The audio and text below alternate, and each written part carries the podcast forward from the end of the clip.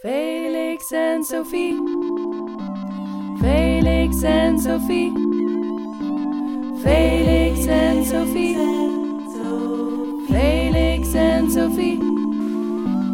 Felix en Sophie. Felix en Sophie. Hallo en leuk dat je luistert naar de Felix en Sophie podcast. Je gaat luisteren naar de editie van afgelopen november getiteld Tussen lichtheid en ernst. Hoe ironisch mag je zijn? Je gaat luisteren naar de tweede spreker van die avond, Frank Meester. Frank Meester is publieksfilosoof en auteur. En in zijn meest recente boek Waarom we de wereld niet rond kunnen krijgen, houdt hij een vurig pleidooi voor inconsequentie. Ben je na het luisteren enthousiast geworden en denk je, daar wil ik ook eens bij zijn? Dat kan. Iedere derde dinsdag van de maand is er een nieuwe editie in Boekhandel Perdu aan de Kloveniersburgwal in Amsterdam. De volgende editie is getiteld Opnieuw denken over de witte man met de sprekers Alex Tinius en Leon Heuts. Maar nu eerst ga je luisteren naar Frank Meester.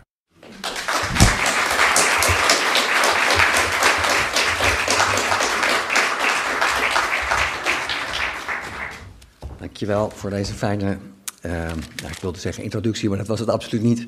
Voor het mooie verhaal. Ik ben er heel blij mee, want ik, ik ben gevraagd om iets over mijn boek te vertellen in verband met, en dat in verband te brengen met ironie. En daarom heb ik me natuurlijk ook weer erg op ironie gericht. En het mooie boek van Kierkegaard ook gelezen over het begrip ironie. En ik moet zeggen dat ik inderdaad steeds meer in verwarring raakte over wat ironie nou precies is. Dus ik ben heel blij dat er net een heel duidelijke uh, uh, ja, duidelijk verteld is wat, wat we onder ironie kunnen verstaan. En vooral ook dat ironie dus helemaal niet zo duidelijk te vatten is. En dat is precies ook wat ik, waar ik achter kwam. En ik had toch het gevoel dat ik er voor moest zijn of tegen moest zijn of zo.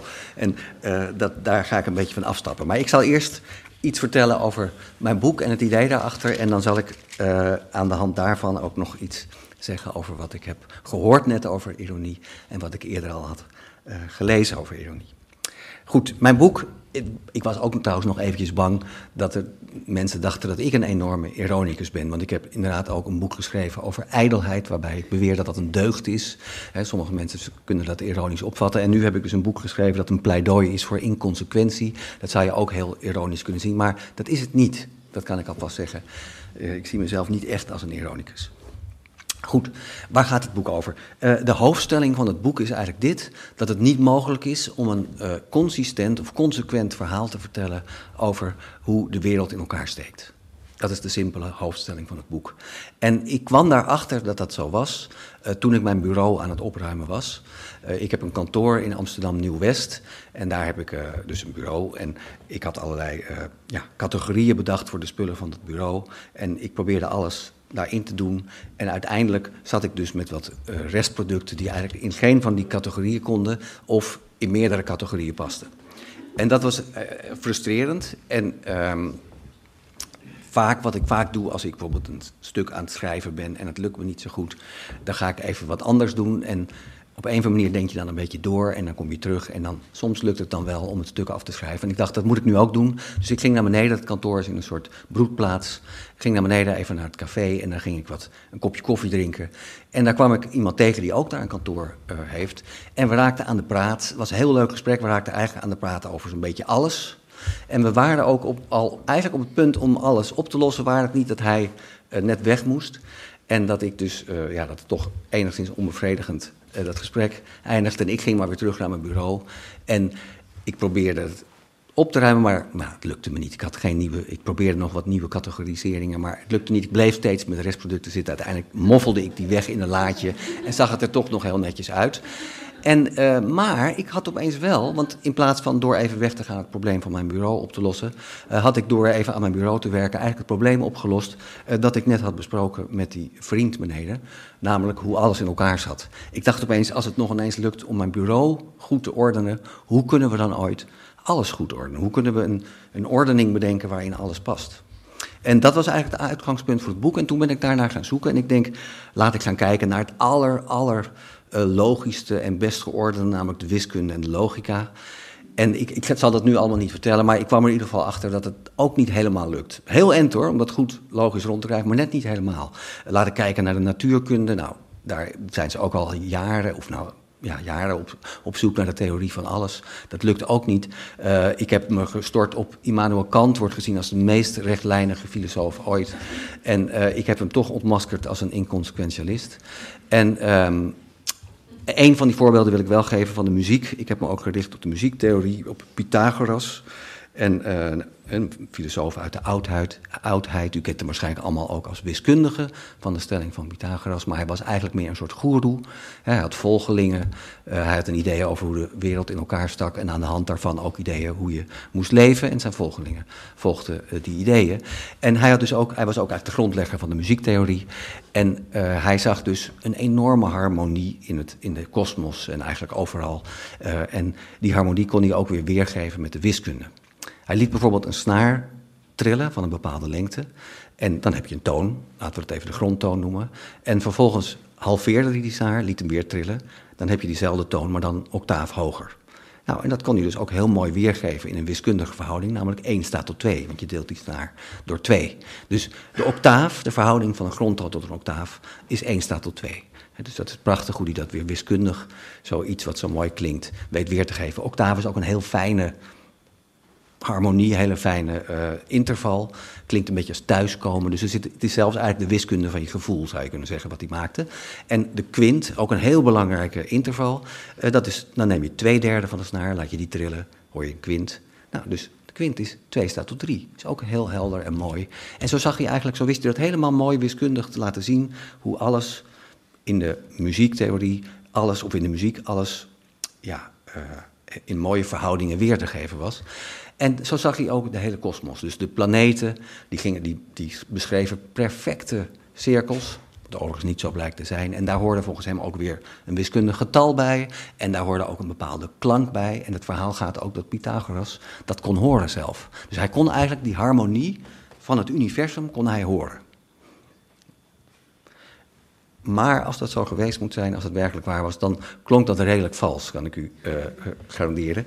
Uh, dat blijkt bijvoorbeeld later in de middeleeuwen, in de vroege middeleeuwen, is die theorie van Pythagoras heel belangrijk geworden. En ook in de melodieën trouwens nog steeds, in hedendaagse melodieën, ook populaire melodieën. Grondtoon, kwint, octaaf zijn nog steeds hele belangrijke intervallen. En in die vroege middeleeuwen dus ook. En daarom stemden ze instrumenten ook vaak op die kwinten. En nou kun je dus kwinten, reine kwinten, zuivere kwinten kun je gaan stapelen. je begint bij de grondtoon, je stapelt daar een kwint op en je gaat eindeloos zo door. Na acht, of eindeloos nog ineens, uh, na een tijdje ben je al ben je acht octaven hoger, ben je weer bij de grondtoon. Maar het is wel acht octaven hoger. Als je dan die grondtoon en acht octaven reine gestapelde kwinten laat horen, klinkt het heel vals. Dat is het grote probleem. En daar hadden ze oplossingen voor in de middeleeuwen. Uh, daar hadden ze de zogenaamde wolfskwint. Dat was een kwint ergens in het midden van het instrument. Die stemden ze een beetje vals, of flink vals eigenlijk, zodat die anderen weer zuiver werden. Dus er moet wat gesjoemeld worden, daar komt het eigenlijk op neer, om het helemaal rond te krijgen. En nog weer later in de middeleeuwen begon die terts ook een belangrijke rol te spelen in de muziek. En om die ook nog zuiver te krijgen, moest er helemaal wat gesjoemeld worden, moest die kwint ook een beetje vals gestemd worden. En weer later in de 19e eeuw um, werden de harmonieën en de melodieën zo complex uh, dat het niet meer lukte daarmee en dat de zogenaamde gelijkzwevende stemming werd ingevoerd. En eigenlijk is elke piano nu nog op die manier gestemd. En het komt erop neer dat als, als je piano vals is en je laat hem stemmen, dat die nog steeds vals is. Maar op een heel subtiele manier, namelijk de octaven zijn precies in acht uh, hokjes verdeeld. En zijn dus eigenlijk alle tonen een beetje vals, maar dat nemen we op de koop toe. En dat, dat hoorden we eigenlijk niet echt, daar hebben we geen probleem mee. En op die manier kunnen we heel goed samenspelen, kunnen we complexe muziek spelen. Dus het is heel goed. Het werkt ontzettend goed, maar we moeten een beetje sjoemelen. Ik, ongetwijfeld zijn er nu ook mensen die denken aan het schrikkeljaar, hè, waarbij precies hetzelfde moet gebeuren. Of denken aan de schrikkelseconde die ook ingevoegd moet worden, omdat de atoomklokseconde niet helemaal gelijk is met een gewone seconde, omdat die eigenlijk steeds anders is. En eigenlijk ook we steeds meer iets, we krijgen steeds meer tijd. Ook een prettige boodschap misschien, maar het is heel weinig. En af en toe moet er een uh, schrikkelseconde ingevoerd worden, want anders uh, loopt het niet meer gelijk. Dus zo moet er voortdurend gesjoemeld worden. Dat is eigenlijk wat ik in mijn boek laat zien. En dat betekent dus dat geen verhaal helemaal rond te krijgen is. En ehm, dat we dus ja, steeds weer opnieuw die moeten proberen om die verhalen rond te krijgen. En uh, sommige mensen die ik dit vertel, die zijn eigenlijk eh, een beetje depressief worden die ervan. Die denken, ja, ik wil graag een duidelijk verhaal over hoe de wereld in elkaar steekt. Want aan de hand daarvan kan ik handelen. En nu vertel je mij dat het eigenlijk niet helemaal lukt. Wat moet ik nog doen? Heeft het leven nog zin? Moet ik morgen nog naar mijn werk gaan? Dat soort vragen. Belangrijke vragen inderdaad. Maar ik heb een goede, uh, geruststellende mededeling. Sinds mijn boek is verschenen is de wereld ook nog gewoon precies zo doorgegaan zoals die eigenlijk altijd door is gegaan. Dus het gaat heel goed. En uh, het inconsequentialisme is ook een pragmatisme. Hè? En pragmatisten zeggen, uh, ja, het gaat niet zozeer om waarheid. Het gaat niet of, of dat verhaal helemaal uh, altijd helemaal rond te krijgen is en of het helemaal samenvalt met de werkelijkheid. Maar het gaat erom dat het werkt. Dat is eigenlijk belangrijk. En dat is inderdaad zo. Als ik een glas water, als ik dorst heb, dan neem ik een glas water.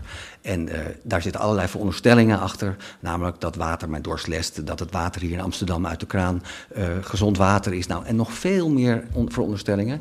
En als op een bepaald moment ik ziek word na het drinken van een glas water, dan zal ik eerst nog niet daaraan denken. Maar op een bepaald moment uh, besluit ik misschien om een tijdje mineraalwater te gaan kopen bij de supermarkt. En na een tijdje ben ik misschien niet meer ziek. En dan stel ik mijn verhaal een beetje bij. Hè. Een paar van die veronderstellingen in mijn verhaal verander ik. Namelijk Amsterdams uh, kraanwater is ongezond. Niet drinken, dat neem ik erin op. En dat nieuwe verhaal, dat werkt weer heel goed. En op die manier uh, gaan we voort. Dit klinkt heel mooi en heel fijn, en dat is het in zekere zin ook. Maar het is alleen niet zo makkelijk. En wij, wij mensen zitten denk ik vaak niet zo in elkaar.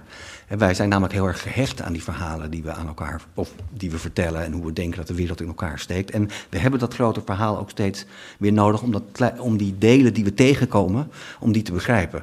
Iemand die dat heel mooi heeft laten zien is Hans Georg Gadamer, hè, met het idee van de hermeneutische cirkel. Uh, dus de gedachte dat je als je een boek gaat lezen, heb je al een idee van dat boek. En dat idee van dat boek, dat beïnvloedt weer hoe je die delen ziet. Maar die delen gaan ook weer dat idee van het geheel beïnvloeden. En zo is er voortdurend een soort wisselwerking uh, gaande. En je merkt het zelf af, je merkt het eigenlijk niet zo, behalve als een keer blijkt dat het iets anders is dan je denkt. Ik, pas een tijdje geleden ging ik naar de film in Parijs. Ik weet niet of je dat weet, maar in Parijs uh, kan je heel lang nog naar films gaan die al een tijd geleden draaiden. Want die, die zakken eigenlijk door naar steeds kleinere bioscoopjes. En ik wilde toen naar uh, Once Upon a Time in Hollywood van uh, Quentin Tarantino. En ik nam de nachtvoorstelling en ik was een beetje laat en ik kwam naar binnen. En nou, ik vond het een heel goede film. Ik was verrast, want ik had al Tarantino al heel veel soorten genres zien uh, persifleren. Maar ik had nog nooit een persiflage gezien van pornofilm. En dat deed hij heel goed, was echt over de top en zo. Was goed Tarantino. En ik was dus in die film. Ik vond wel dat het lang in dat genre van de pornofilm bleef. En toen bij de aftiteling ook niet de naam van Quentin Tarantino werd genoemd. En toen ik uit de bioscoop liep en toen zag dat hij eigenlijk in de zaal ernaast was. Toen pas dacht ik, oh, misschien is die film, zat ik toch gewoon in de pornofilm. Dus dan zie je dus eigenlijk hoe heel sterk de, je idee van hoe iets is eigenlijk. Heel lang nog blijf je eraan vasthouden vaak. Dat is denk ik een groot uh, probleem. Dat wij heel veel vasthouden aan onze ideeën. En dat je daar dus. En, en, en, niet alleen. Ik, dit is nog een vrij. Hey, ik was helemaal niet. Ik was heel bereid. Ik was bereid om dat op te geven. Maar we hechten natuurlijk ook gewoon aan die verhalen die wij kennen over de wereld. Dat is namelijk onze wereld. En als dat wordt verstoord, is dat vervelend. En sommige dingen vind ik mooi. Ik vind bijvoorbeeld ik ben, ben, erg gehecht aan de gracht hier in Amsterdam. En ik was ook een keer op een bijeenkomst in de Badi van uh, Black Lives Matter. En daar uh, werd toen gezegd, ja, al die, heel veel van die panden die zijn uh, met slavengeld gemaakt. En dan, toen liep ik toch weer heel anders door die gracht. Dus ik vond het eigenlijk helemaal niet leuk om dat te horen. Zo zijn er heel veel dingen die ik niet zo leuk vind om te horen, omdat die mijn, hoe ik van de wereld waarvan ik hou, in zekere zin in een ander daglicht zetten. Dus dat is, ik, ik zeg, ik doe in mijn boek nog veel meer, maar dat is eigenlijk wat ik wil benadrukken van wat ik in mijn boek uh, heb verteld. En ik denk dat in dat kader ironie uh, belangrijk is. En inderdaad zijn er verschillende vormen van ironie. Ironie als een soort levenshouding. Als je bij Kierkegaard kijkt, die heeft het over de estate. Dat is een ultieme ironicus. En in zekere zin vindt hij die ironicus goed. Want hij zegt, ja, het eerste stadium waarin mensen zijn... is eigenlijk een soort burgerlijk stadium... waarin we ja, denken dat die toevallige etiketten en regeltjes die er zijn... dat dat eigenlijk ja, soort iets absoluuts is en dat we daarnaar leven en dat het helemaal goed is. En ja, uiteindelijk door zo'n ironische houding zoals die State heeft, die, gaat daar, die maakt dat allemaal belachelijk. Die ziet gewoon in alles het contingent, in alles dat het ook maar toeval is. En als een soort tussenstadium is dat goed, maar uiteindelijk ja, is dat ook een, een, houding die nergens meer zekerheid vindt. En ik zou zeggen, die, die ironische houding die gaat mij inderdaad ook veel te ver. Hè? de, ik, ik, je, ik ben best een beetje als pragmaticus ervoor in dat je bepaalde dingen gewoon in ieder geval een tijdje voor um, waar of in ieder geval voor werkend aanneemt. En het is denk ik gevaarlijk om voortdurend alles onderuit te halen. Dus daarom denk ik dat zo'n uh, ironische houding uh, ja, niet werkbaar is en irritant is. Daar ben ik het met hem eens. Uh, maar het is een beetje makkelijk, want niemand is natuurlijk een totale ironicus. Hè? Dus een beetje ironie is wel goed, zou ik willen zeggen. Maar niet te veel. Dan kan je ironie ook veel meer zien als een, een soort praktisch instrument. Het is, een, het is een, een, een stijlfiguur die je kunt gebruiken. En uh, dan is ook weer, ik, ik, zat natuurlijk in het begin met die vraag, is ironie goed of slecht? En uh, ja, als stijlfiguur is hij, en daar ben ik het ook helemaal met jou eens met het idee van die toxa, hè, als, als hij als stijlfiguur de bestaande opvattingen heel erg bevestigt, dan, dan is het vaak heel kwalijk. Hè, er is een beroemd uh, citaat van Gerard Reven, die wordt gezien als een van de grote ironici van de tijd. Ik durf het nog ineens helemaal voor te lezen, want zo'n zo nare tekst is het. Maar het gaat in ieder geval over mensen in voormalige koloniën. En dan zegt hij over. Zodat we ze allemaal met een zak vol spiegeltjes en kralen op een tjoekie-tjoek stoomboot kunnen zetten. Enkele reis, takkie-takkie, oerwoud. En er wordt gezegd dat het ironie is. Ik vraag me af of het ironie is.